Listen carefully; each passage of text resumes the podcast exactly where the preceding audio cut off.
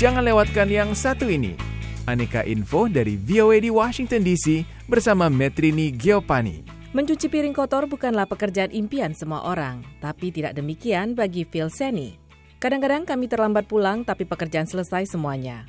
Phil mengungkapkan, ia memimpin kantin di St. Mary's College Hobart, sekarang perangkat plastik sekali pakai termasuk pembungkus dan botol dilarang di kantin itu. Essentially, we, we just want to be as sustainable as we can. Pada dasarnya kami ingin ramah lingkungan sebisa mungkin.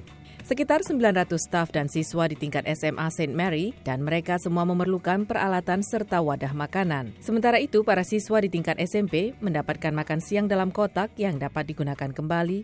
Semuanya itu memerlukan pencucian. If you have about 400 lunch orders on a Friday, and if you think about that, that's 800 pieces of Coba Anda pikir saja, 800 unit peralatan makan perlu dibersihkan. Itu di SMP saja. Setiap kelas memiliki satu ember kompos yang dikosongkan pada setiap akhir hari sekolah. I think we worked out just for the junior school it's about 6,000 kilos that we've composted in the last few years. Saya pikir untuk kompos dari SMP saja ada 6.000 kilo kompos dalam beberapa tahun terakhir, jadi cukup banyak. Sebagian kompos itu digunakan kebun sekolah menghasilkan sayuran segar untuk bahan makan siang di kantin. Shani berharap hal itu memberi siswa pemahaman tentang daur ulang dan tantangan yang dihadapi planet bumi. Tidak semua sekolah dapat membiayai kegiatan itu, akan tetapi sejumlah ahli mengemukakan pengadaan wadah makan siang yang ramah lingkungan tidak harus mahal. It used to be the norm in days gone by.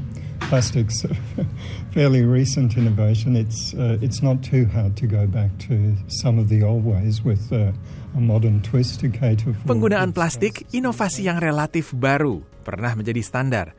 Sekarang tidak terlalu sulit untuk kembali ke cara-cara lama dengan sentuhan modern untuk memenuhi selera anak-anak zaman sekarang. Ahmed Bektas adalah salah seorang pendiri Teros, perusahaan yang menjual produk ramah lingkungan. Pembungkus berlapis lilin dari lebah, kotak roti, kotak bekal makan siang, dan botol minuman yang dapat digunakan berulang kali semuanya mengurangi penggunaan plastik sekali pakai. Over the long run, um, these will be cheaper than buying uh, lots of cling wrap.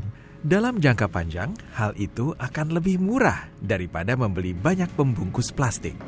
Mengurangi limbah kotak makan siang juga dapat mengurangi pengeluaran dalam rumah tangga. Metrini Giopani, Voice of America, Washington, D.C.